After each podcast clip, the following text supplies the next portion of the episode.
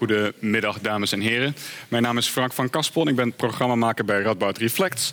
En ik wil u graag van, heet u graag van harte welkom op deze bijeenkomst over de wet gedeeltelijk verbod gezichtsbedekkende kleding. In de volksmond ook wel het boerkaverbod genoemd. Uh, sinds 1 augustus is die landelijk van kracht is dat verbod van kracht. En ook op de Radboud Campus. En vandaag zullen we over de gevolgen, of de juridische en religieuze achtergronden daarvan en de gevolgen ervan voor het leven op onze campus uh, in gesprek gaan met antropoloog Kajan van Nieuwkerk en uh, jurist uh, Dirk Bunschoten. Uh, zij zullen eerst allebei beide kort een, wat, een soort begripsbepaling gaan doen voor ons. En daarna gaan we met hen in gesprek. En er is er ook ruimte voor vragen uit het publiek. En stipt om kwart over één moeten we de bijeenkomst afsluiten voor een vervolgende bijeenkomst die hierna komt. Uh, dus mochten er nog vragen achteraf zijn, stelt u die dan gerust nog in de wandelgangen. dan wil ik nu graag het woord geven aan Dirk Bunschoten, jurist van de afdeling rechten of de faculteit rechten van de Radboud Universiteit, voor een eerste introductie op de aard van het verbod. Deze... Ja, goedemiddag. Uh, als gezegd, Dirk Bunschoten. Ik doseer staatsrecht. En geef ook vanuit die achtergrond een korte inleiding op de juridische kant van deze wet. Dat was me ook gevraagd. Uh, dat is dus enigszins door, technisch, juridisch, zoals juridisch soms door en technisch is. Maar daarmee laat ik dan wel zien wat deze wet als achtergrond heeft. Ik heb dus ook, moet ik even kijken, ik heb één ding dat ik dat aan de praat krijg. Ja. Uh, ik heb een paar dia's. En de eerste daar heb ik eh, boven als kopje tekst wet. En die wet heet, zoals al is gezegd, de wet gedeeltelijk verbod gezichtsbedekkende kleding. Ook dat is uh, met nadruk dat ik die volle titel even noem.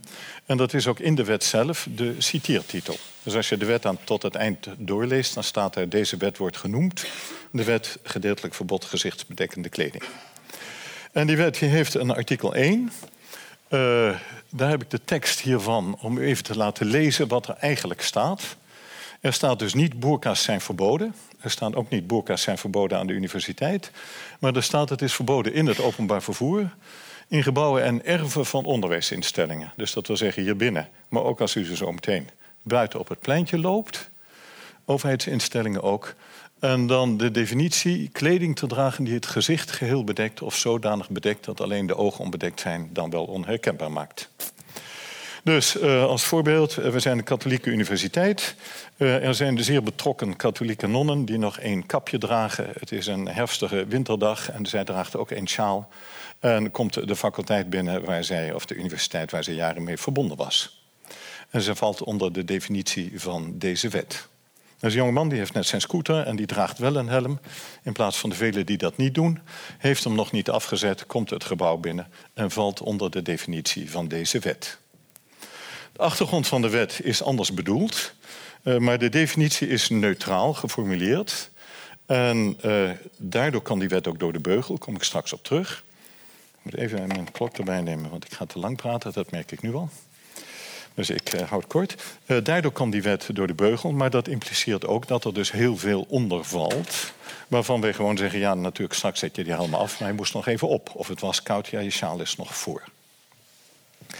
Die tekst staat op de sheet. Als we daar verder naar willen kijken, dan kom ik daarop terug. Uh, er is een grondrechtelijke kwestie waar ik wellicht later nog even de sheet van laat zien. Ik heb die teksten hier opgenomen. Ik weet niet of die PowerPoints gepubliceerd worden, dan zijn ze daar. Maar even over wat een wet is. Een wet is een regel die is gebaseerd op onze grondwet. Dus we hebben een wetgever en dat is onze regelgever.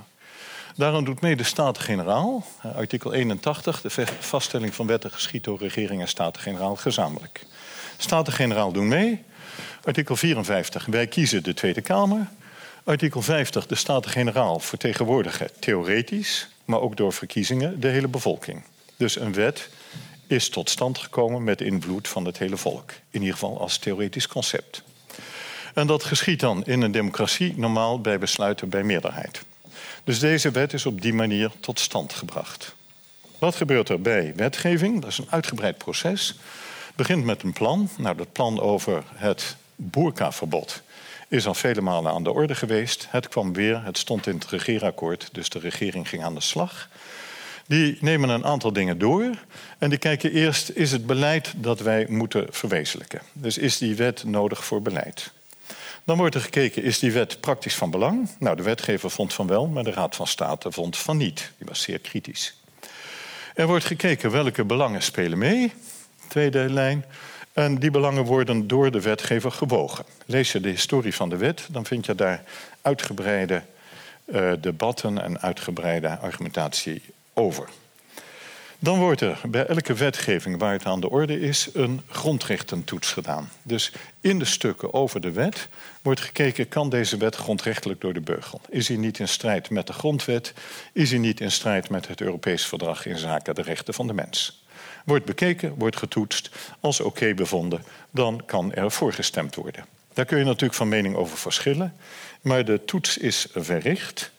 Tot slot wordt er gestemd in de Tweede Kamer en daar stemmen partijen volgens partijlijnen en partijstandpunten. En dat zie je dan ook als je de stemming doorkijkt. Dus kennelijk hadden wij partijpolitiek en in de belangenweging voldoende stemmen voor dat dit wetsvoorstel aangenomen werd in Tweede en in Eerste Kamer. We hebben naast de wetgever hebben we uitvoerders, politie, bestuur en dergelijke. Daar kom ik straks op terug. En we hebben in onze rechtsstaat Nederland een rechter. En de rechter beoordeelt de rechtmatigheid van het handelen ook van de overheid.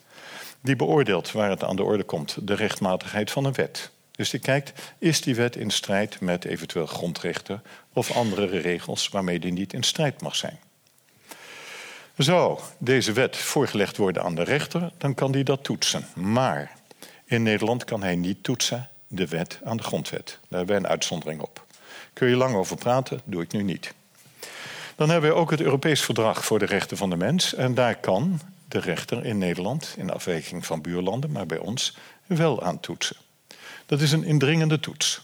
Daar kom ik straks op terug. Dus komt die wet voor, dan kan hij de wet beoordelen onder meer op de grondrechtelijke, de schending van de mensenrechten, wat betreft het EVRM, het Europese Verdrag.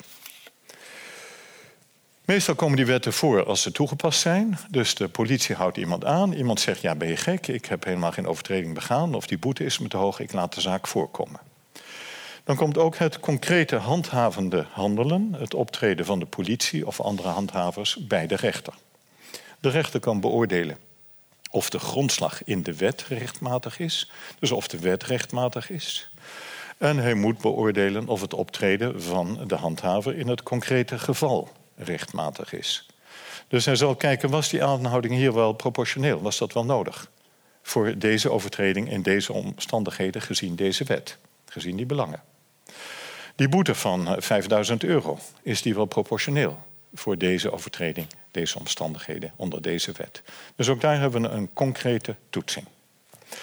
Als laatste, sprekend van het EVRM, we hebben een mensenrechtenhof in Straatsburg, het Europees Hof in zaken de rechten van de mens. En iedereen die vindt dat zijn recht is geschonden door een. dat zijn grondrechten uit het EVRM is geschonden door een staat, dus door handelen van de staat, kan uiteindelijk daar klagen. En daar wordt beoordeeld de concrete, het concrete individuele geval. Dus de overtreding van één mens met of een boerka op of een helm op. En de politie die daar optrad en de boete die die gaf. En de rechter hoe die oordeelde. Dus een concrete klachtmogelijkheid. Als laatste een plaatje om de werking van grondrechten te verduidelijken. En ik heb er twee, één voor de grondwet en één voor de EVRM. Uh, wanneer we het over grondrechten hebben, dan hebben we een rijkwijde van het grondrecht. De godsdienstvrijheid beschermt de vrijheid te een godsdienst te hebben, te geloven, en beschermt je te gedragen naar die godsdienst. Die rijkwijde wordt afgebakend door die woorden en is uh, bepaald in jurisprudentie van rechters. Dat is die paasei, liggende paasei-vorm. Elk grondrecht kent in zichzelf een beperkingsmogelijkheid.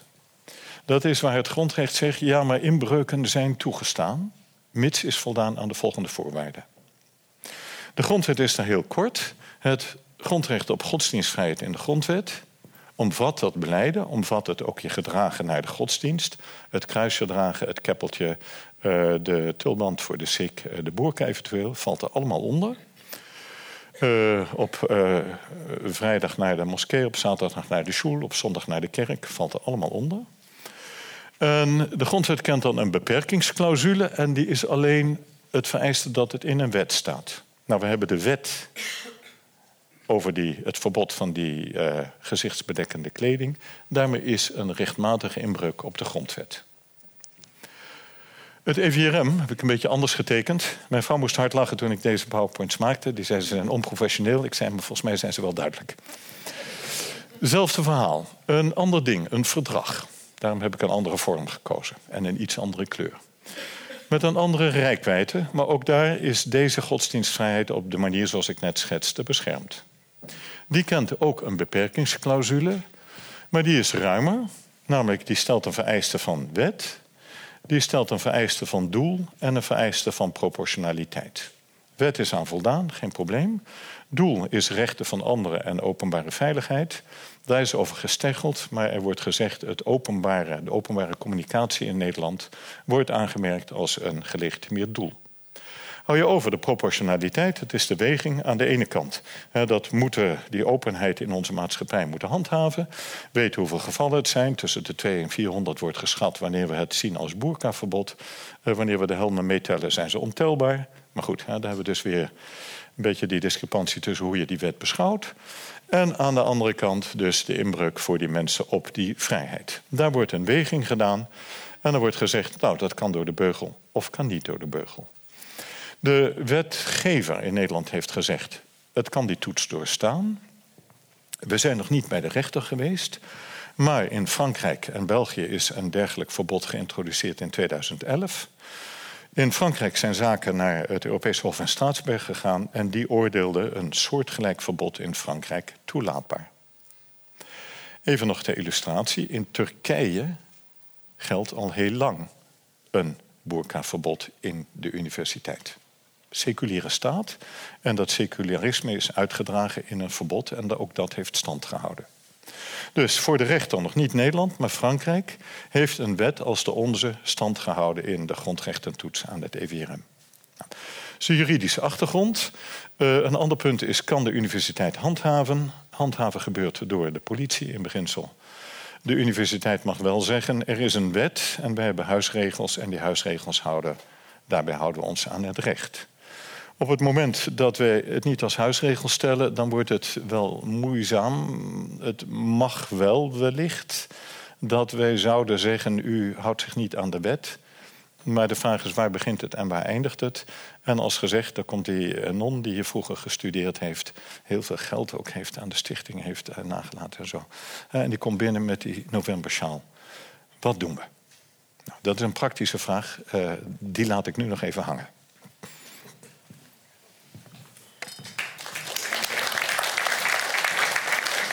Dan gaan we verder naar de volgende spreker. Karen van Nieuwkerk. Mag ik je uitnodigen? Uh, met, uh, nou ja, ik laat jou gewoon aan het woord. Deze klikker doet wat je hoopt dat hij doet, neem ik aan. Ja. Uh, hallo allemaal, ik ehm, ben Karen van Nieuwkerk, antropologe.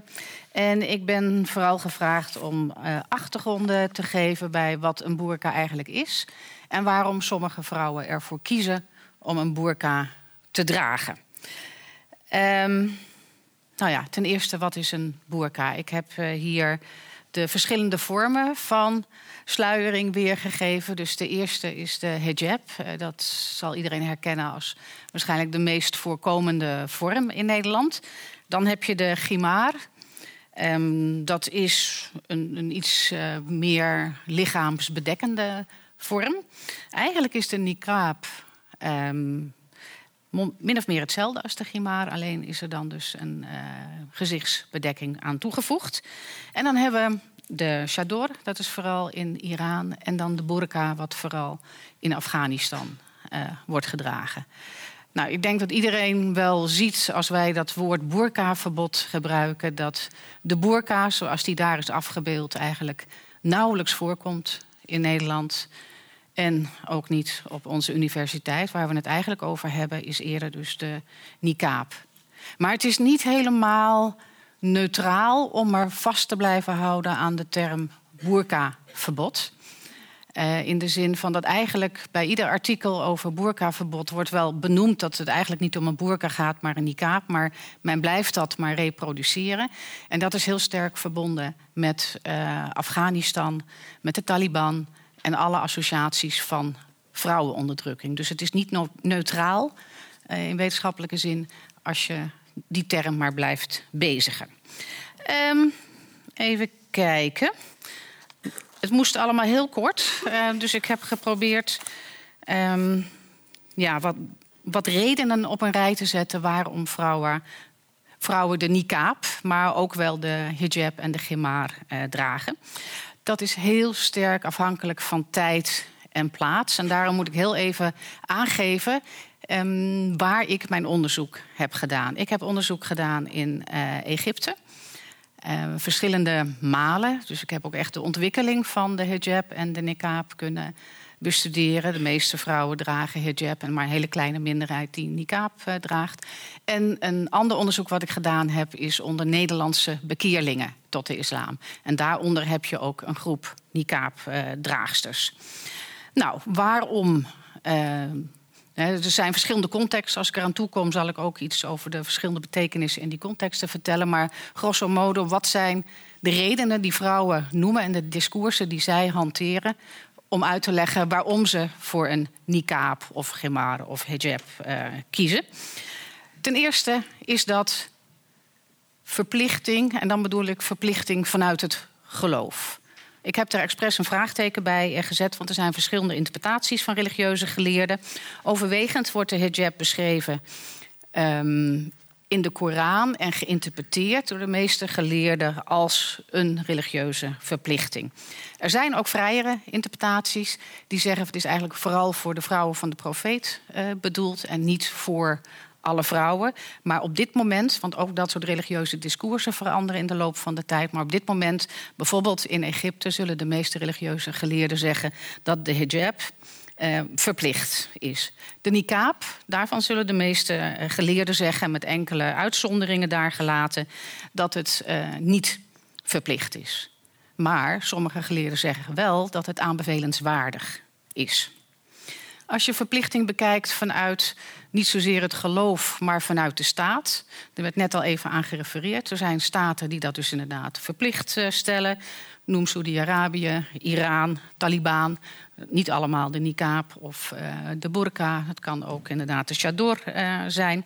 Andere staten hebben juist een actief ontmoedigingsbeleid. Dus die willen juist niet dat vrouwen de hijab of de niqab dragen. Dus dat is ook weer heel erg contextspecifiek. Maar overwegend wordt dus de hijab gezien als uh, een verplichting vanuit vrouwen zelf. En niqab door een kleine minderheid gezien als aanbevelenswaardig. Maar in de specifieke context waar ik onderzoek gedaan heb, dus dat is Egypte en Nederland, is de niqab vooral een keuze die vrouwen zelf maken. Het, dat is eerder een context waarin de staat er tegen is. Waar ook heel vaak familie en echtgenoten er tegen zijn. De echtgenoten bijvoorbeeld ook omdat ze dan als een vrouwenonderdrukker uh, worden gezien. Dus het is echt een keuze van vrouwen tegen de stroom in om niqab te gaan dragen. Geen gemakkelijke keuze over het algemeen. Er kunnen natuurlijk altijd uitzonderingen zijn en misschien dat ik daar ook nog aan toe kom. De belangrijkste reden waarom ze kiezen voor de niqab, dat is het vertogen over de vroomheid. In het Arabisch is dat woord taqwa. En dat is zowel liefde als ontzag voor God. Dus ze zien het echt als een daad van aanbidding. Een manier om dicht bij God te zijn. Onderdeel van de spirituele zoektocht. Ik heb in Egypte onderzoek gedaan, ook uh, onder vrouwen die een soort born-again ervaring hebben gehad. In Nederland dan vooral bekeerlingen. Dus die zijn heel erg met een spirituele zoektocht uh, bezig. Die hebben vaak ook een ommezwaai gemaakt. Een voordien niet sterk uh, religieus praktiserend leven gehad. Dus die hebben ook het gevoel dat ze een stapje extra moeten doen. Dus een extra stapje, extra verdiensten, religieuze verdiensten, dat zijn daden die je doet om God te plezieren en die jou helpen het paradijs um, makkelijker binnen te treden. Dus er is een heel sterk vroomheidsdiscours wat vrouwen, sommige vrouwen, kleine groep vrouwen, motiveert om de niqab te dragen. En ja, heel vaak is het een geleidelijk proces. Dan hebben ze eerst de hijab en dan de gemar en dan de niqab in dat vroomheidstraject. ja, traject. Een ander en een derde vertoog wat van belang is, waar vrouwen vaak aan refereren waarom ze de niqab of de hijab uh, dragen, dat heeft te maken met verleiding. Um, ze hoeven het ook alleen maar te dragen. Dus niet als hun familie, verwanten, echtgenoten, vaders en broers aanwezig zijn. Het is dus vooral voor de eh, niet-mahram mannen. Mahram betekent um, de mensen met wie je wel of niet kan huwen. Dus als je met een man kan trouwen, dus niet je directe familie, maar verdere familie en uh, vreemden, dan moet je de hijab of de niqab uh, dragen. En dat is bedoeld om verleiding te voorkomen, um, om je schoonheid te bedekken, om zo zowel mannen als vrouwen te beschermen tegen morele wanorde. En dat is een begrip wat dan uitgedrukt wordt met fitna. Fitna betekent iets van chaos of ordeloosheid of um, sociale wan Dus dat is een belangrijk element waarom uh, vrouwen of waar vrouwen aan refereren, waarom het dragen van hijab, gimar en niqab van belang is. Um, nou, misschien nog heel, heel kort. Um, um, oh ja, dan moet ik volgens mij de volgende nog. Ja. ik zei al dat het afhankelijk is van tijd en plaats. Dus heel kort, als het is toegestaan, uh, wou ik even een schets geven van. Naast deze drie belangrijke motieven van verplichting, vroomheid en verleiding, is er bijvoorbeeld in de Egyptische context ook een hele ontwikkeling geweest van een heel sterk vroomheidsdiscours. Uh, allerlei predikers die uh, ja, aangeprezen hebben dat vrouwen hijab uh, gaan dragen en sommigen ook uh, niqab gaan dragen. Maar vooral grote hoeveelheid vrouwen die uh, hijab zijn gaan dragen. En dat vroomheidsdiscours is ook steeds meer in de middenklasse en de hogere middenklasse terechtgekomen. Waardoor ze allerlei vormen van fashionable veling zijn gaan ontwikkelen. Waardoor vrouwen die heel sterk met dat vroomheidsdiscours bezig waren. van ja, maar al die vrouwen met die mooie hijabs en, strakke spijkerbroeken en veel uh, make-up ik kan mijn vroomheid via de reguliere hijab niet goed meer uitdrukken. Dus om die distinctie te maken ten opzichte van de fashionable vormen van uh, hijab, zijn een aantal mensen wat ik dan noem aan het ja, upvelen. Hè, dus de niqab uh, gaan dragen. Tegelijkertijd zie je op dit moment onderzoek waar ik nu mee bezig ben ook heel interessant een trend naar aanveling. Dus het weer afleggen van de hijab. En hier maak ik even een, een, een uh, kleine nuance. Ik heb gezegd dat in de context van Egypte, maar ook in Nederland, dat het vooral een vrije keuze is van vrouwen om de niqab te dragen. Wat ik wel gemerkt heb in dit nieuwe onderzoek naar mensen die aanvelen, dat dat dus ongelooflijk ingewikkeld is. Dus dat wat ooit begonnen is als een vrije keus, en dat zeggen die vrouwen ook uh, tegen mij, van ik heb er zelf voor gekozen. Maar nu ik wil kiezen om het af te leggen, omdat ze nou ja, een andere religieuze ontwikkeling of een andere vorm van spiritualiteit meer innerlijk uh, ontwikkelen. Dat is heel erg ingewikkeld. Dus dat wat vrij begon, kan inderdaad wel heel beknellend uh, worden in een klein aantal uh, gevallen. Um, jullie zien daar een prachtig plaatje. Dat is de context van Oman. Dus daar zit weer ook een ander vertoog achter. Ik heb er nog geen onderzoek naar gedaan. Ik ga daar volgende maand uh, naartoe. Um, maar um, daar is door een onderzoeker uh, die echt ook de vrouwen zelf gevraagd heeft, daar wordt deze vorm van ge gezichtsbedekking echt gezien in termen van schoonheid. He, dus dat is ook heel mooi uh, versierd. En ze hebben de verschillende en vooral voor feesten. Dus dat is een heel ander discours in een andere context. Um, tot slot, maar dan ga ik echt uh, stoppen. Um, in de Nederlandse context onder de bekeerlingen, wat naast die al genoemde vertogen van belang was, is ook dat een Nederlandse moslima, als ze niet een hoofddoek draagt of een niqab of welke vorm dan ook, dat ze niet duidelijk zichtbaar is als moslim. Dus bij Nederlandse bekeerlingen zit er ook soms een extra laag bij van coming out, uh, laten zien dat je uh, moslim bent. En bij iedere vorm die ik heb bestudeerd zit er soms ook wel iets van uh, rebellie, uh, maatschappelijke betrokkenheid. Je wenden tot een bepaalde politieke, religieuze stroming tegen de staat. Dus dat soort elementen zitten er ook in. Maar kortom, ik hoop dat ik wat achtergrond heb kunnen geven. En het is dus heel variabel naar tijd en plaats. Maar de contexten die ik bestudeerd heb, overwegend, initieel, vooral vrije keuze van vrouwen. Dank jullie voor de aandacht. Dank je wel. Mag ik jullie beiden uitnodigen om uh, aan tafel te komen? We hebben nog even tijd. En er is eigenlijk één vraag die ik uh, jullie, en dan om te beginnen vooral Dirk zou willen stellen misschien. Uh, Karin zei al dat de term boerkaverbod niet neutraal is of zo. Dus er zit een bepaalde lading achter of zo. Vind jij het dan als jurist uh, gek of terecht of onterecht dat die wet in de volksmond boerkaverbod heet? Is het niet zo dat de wetgever door de achtergronden van de wet dat in de hand werkt? Nou, ik zou eerst zeggen, het is een feit. En de wetgever heeft heel nadrukkelijk gekozen voor die neutrale formulering. Dus dat is ook duidelijk. En dat wordt ook overal benadrukt. Dus de, laten we zeggen, neutraal in de zin van gezicht betrekkend, eh, bedekkend in welke vorm dan ook. Maar kijk je in de wetsgeschiedenis waarom die wet is ontstaan, mm -hmm. dan is het toch echt, het komt uit de discussie over de gezichtsbedekte vrouwen. En dat zijn moslimvrouwen in Nederland. En dat daar een gevoel van ongemak bij ontstaat.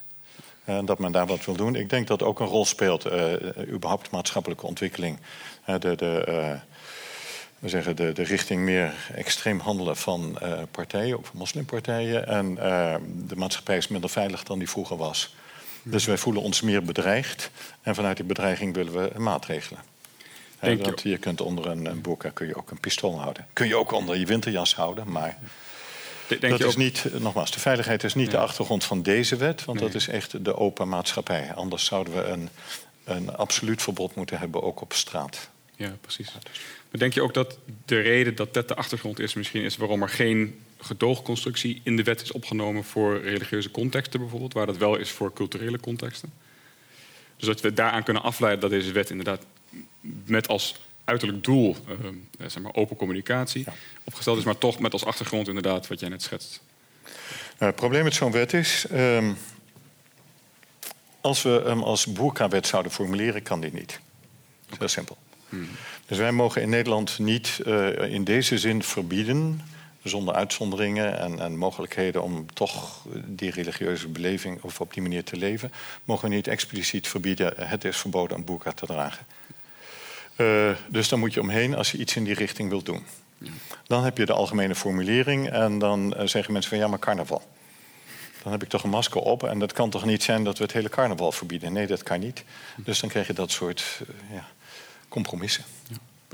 Je zei ook iets kort over handhaven. Mm -hmm. dat dat dus niet is aan, aan de instellingen waar nu een, dat verbod ook geldt. Dus het handhaven is puur iets dat de politie doet in Nederland.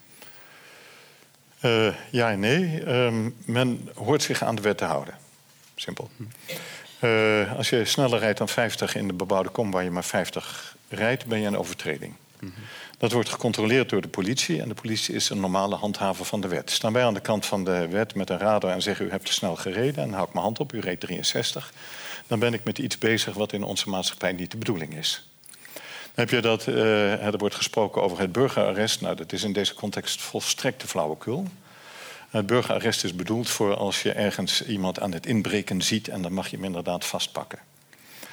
Een burgerarrest bij een boerka-draagster, ook bij iemand die een helm draagt en die hier binnen zou lopen, is waarschijnlijk eerder een aantasting van de privacy en zal leiden tot een veroordeling van overtreding van de burger in uh, arrestneming, ja. dan dat het arresteren van die betrokkenen rechtsgeldig zal worden geacht. Hmm. Zover kan het gaan. Nou, doet er niet aan af dat we een instelling hebben. En uh, de wet moet natuurlijk. Uh, er worden wetten gemaakt, daar moeten we ons aan houden. Er is een rookverbod, dat geldt. Er zijn tal van verboden, tal van dingen die je niet mag doen. Ook niet in het gebouw. Maar de vraag is: de wetshandhaver is niet in eerste instantie de universiteit. Dus dan rijst de vraag: moet hij nou, nee, het is verboden daar binnen te gaan met het gezicht bedekt. Maar dat wil niet zeggen, de wet zegt niet... Uh, instelling van onderwijs, jullie moeten deze mensen weren. Kan die? Dat is een andere vraag. Ja, want je kunt het zo inrichten en zeggen die wet die geldt. En wij hebben ook die instelling van open uh, communicatie. Dat willen we ook aan onze universiteit hebben. Uh, dus de wet is daar een middel voor. En we spreken iemand aan en zeggen uh, wij gaan hier anders met elkaar om. Hebben we daar de wet voor nodig? Nee, want dat kunnen we ook hier in de universiteit doen door gedragsregels. We hebben allerlei, kijk je op de site, allerlei gedragsregels. En een daarvan zou kunnen zijn, nou, wij treden elkaar hier binnen de gebouwen met open vizier tegemoet. Nou, dat staat er dan in. Kom je binnen, hou je aan de gedragsregels van dit instituut. Ja. Karin, uh, jij zei dat je ook onderzoek gedaan hebt naar bekeerlingen in Nederland. Mm -hmm. Is dat een, een recent fenomeen of is dat een fenomeen dat in opkomst is of heb je daar niet naar gekeken? überhaupt dat vrouwen zich bekeren tot de islam? Ja, precies. Een speel, ja. In, ja, ja. ja. ja. nee, dat, dat speelt inderdaad uh, al wel sinds de jaren 60, 70. Het is natuurlijk wel een beetje verbonden ook met de komst van uh, migranten uh, okay. naar Nederland. En dat men meer kennis kreeg of contacten kreeg met, met moslims, met geboren moslims, geïnteresseerd raakte. Dus dat is zeker wel iets wat, wat toeneemt, wat, wat groeit. Ja. Heb je ook het idee dat dus het, het, het, uiterlijk vertoon van religie, of specifiek islam, dat dat te maken heeft de laatste jaren met de wat verdrukte positie van islam, misschien in de westerse wereld? Dat daardoor belangrijker wordt om dat te tonen? Uh, ik denk dat dat wel één element is. Dat uh, voor, voor vrouwen, dus zeg maar Nederlandse vrouwen die anders niet, niet zichtbaar zijn als moslim, en wel ehm, dat nou, toch negatieve verhaal over de islam horen en zich daar uh, geëngageerd over voelen. Mm -hmm. um, en dat ze door hijab, of zich in ieder geval islamitisch te kleden, duidelijker zichtbaar um, worden als moslim. En zich daardoor uh, ook makkelijker kunnen mengen in gesprekken daarover. Met heel sterk het gevoel van dat ze dus heel voorbeeldig gedrag moeten uh, laten zien. Uh, om dat beeld over de islam bij te stellen. Dus de, ja, dat speelt zeker een rol. En heb je, je, je, je omschreef al dat vrouwen die in eerste instantie een vrije keuze maken om een, een niqab te gaan dragen, bijvoorbeeld, het daarna moeilijk hebben om die hier af te leggen. Dat daar dan meer uh, over te doen is dan wanneer ze ervoor kiezen dat aan te doen. is dat uh, wil dat zeggen dat vrouwen, als ze ervoor kiezen dat te gaan doen, ze dat altijd meteen doen? Of zijn er ook vrouwen die het soms wel en soms niet dragen? De, de, met, met, de niqab uh, is er ook wel, uh, juist omdat het zo, zo, lastig is maatschappelijk, heb je wel een groep die het ook wat flexibeler uh, draagt. Die bijvoorbeeld vooral, ik, ik heb onderzoek gedaan ook in die uh, Tawhid moskee in, in Amsterdam, die nog wel eens in het nieuws is geweest. En dan zie je, voordat de bijeenkomst er is, dat er heel veel uh, niqab-dragende uh, vrouwen daar naar binnen gaan. Uh, maar die dat eigenlijk alleen doen voor de religieuze les. En um, als ze familie hebben die daar erg op tegen zijn, die dat ook kunnen afleggen. Dus er, er, is een groep die het meer flexibel draagt. Mm -hmm. En er is een groep die het echt continu wil dragen vanuit vroomheid en vanuit hun overtuiging. En, en ja. misschien nog even aanvullend. het is dus wel heel lastig om de niqab te dragen. Er is heel veel weerstand, ook binnen uh, de familie. En ook om hijab uh, te dragen is vaak heel lastig. Zeker voor bekeerlingen met natuurlijk een uitgebreid uh, netwerk van verwanten die niet moslim zijn. in de Egyptische context, wat ik heb meegemaakt, oké. Um, daar zeggen ouders van prima als jij ervoor kiest om de hoofddoek te dragen. Um, dat is jouw keus. Daar uh, gaan wij niet in treden. Maar denk er heel goed over na. Want wat ze heel erg vinden is als je ervoor kiest om de hoofddoek te dragen, dat je hem dan vervolgens aflegt. Omdat dat dan ja. toch geïnterpreteerd wordt, omdat het zo'n belangrijk symbool is van de islam, dat je uh, een stukje van het geloof verlaat. Ja, ja. Dus ze hebben liever dat je de hoofddoek niet gaat dragen, uh, dan dat je hem wel draagt en later uh, afdoet. Dus dat is dan mijn laatste onderzoek. Dat is echt uh, heel ingewikkeld. Ja. Uh, en de niqab afleggen is ook ingewikkeld, maar in zekere zin makkelijker, omdat het ook leeftijdsgebonden is. Ik noemde al dat vertoog over verleiding en schoonheid die je moet bedekken. Dus er zijn vrouwen die de niqab dragen, maar als ze een zekere leeftijd krijgen, zeg maar na de menopauze, dan is het absoluut niet gek als je dan vervolgens je gezicht weer laat zien. Dus vanuit dat discours kun je het op zekere leeftijd um, wel afleggen. Zou je je durven wagen aan een inschatting of het zo is dat in Nederland vrouwen die een niqab dragen, uh, daar dus in de thuissituatie in het algemeen dus weerstand van onder, door ondervinden. Of dat er juist andersom. dus waar ik heen wil is dat als vrouwen ervoor zouden kiezen om die niqab af te leggen voor bijvoorbeeld betreden van openbare gelegenheden, zou hen dat thuis dan op smaad of op, op, op kritiek komen te staan of juist niet? Of is dat een kwestie dat in zo'n geval niet dat, dat zou ik echt verder moeten, oh, moeten onderzoeken. Dat weet ik niet 100% zeker. Dat zal ook een beetje aan hun persoonlijke omstandigheden liggen. Hmm. In wat voor soort groepen ze, ze verkeren. Ja, okay. dus, maar ik denk, we zien het fenomeen van flexibel dragen in de Nederlandse context van uh, niqab-draagsters. Uh, maar voor een aantal zal het ook echt iets zijn waar ze ja, zo aan vasthouden dat dat eigenlijk toch geen optie is. Okay. Mag ik ook wat vragen? Ja, ga je gang en dan gaan we naar de zaal. Dus bereid je vragen voor. Beeld van aantallen heb ik niet. Er is een onderzoek uh, geweest, maar dat is alweer van uh, de Universiteit van Amsterdam. Die heeft in 2008 is dat inmiddels alweer. En die schatten het tussen de ergens tussen de 100 en de 400 uh, ja, destijds. Maar, juist omdat het ook soms flexibel gebruikt wordt, is het lastig om er een inschatting van te maken. Maar ik de weet, wetgever noemt in de toelichting 200 tot 400 mensen waar het echt om zou gaan. Ja, Wanneer we het, uh, de wet als boerka-wet zien. Hè? Ja, ja. Oh, ja, boerka of niqab-wet. Dus niqab is 200 tot 400? In de, in de tweeledige betekenis, Ja, precies. Oké. Want daar hebben ze ook niet echt over nagedacht. Uh, dat moet helaas dan het, het slotwoord zijn, want uh, zometeen worden hier uh, propenduizen-diploma's uitgereikt. Dus we moeten plek vrijmaken. Ik hoop dat u wat van de achtergronden van het debat meegekregen heeft. als er nog wat vragen zijn, begrijp ik dat in ieder geval Dirk hier nog even is. Ik heb nog wel even tijd. Misschien dat Karin nog heel eventjes, heel eventjes een momentje heeft. Er is hier gelukkig een cafeetje vlak naast. Houdt u de website van Radboud Reflex in de gaten voor onze aankomende activiteiten en hartelijk dank voor uw komst.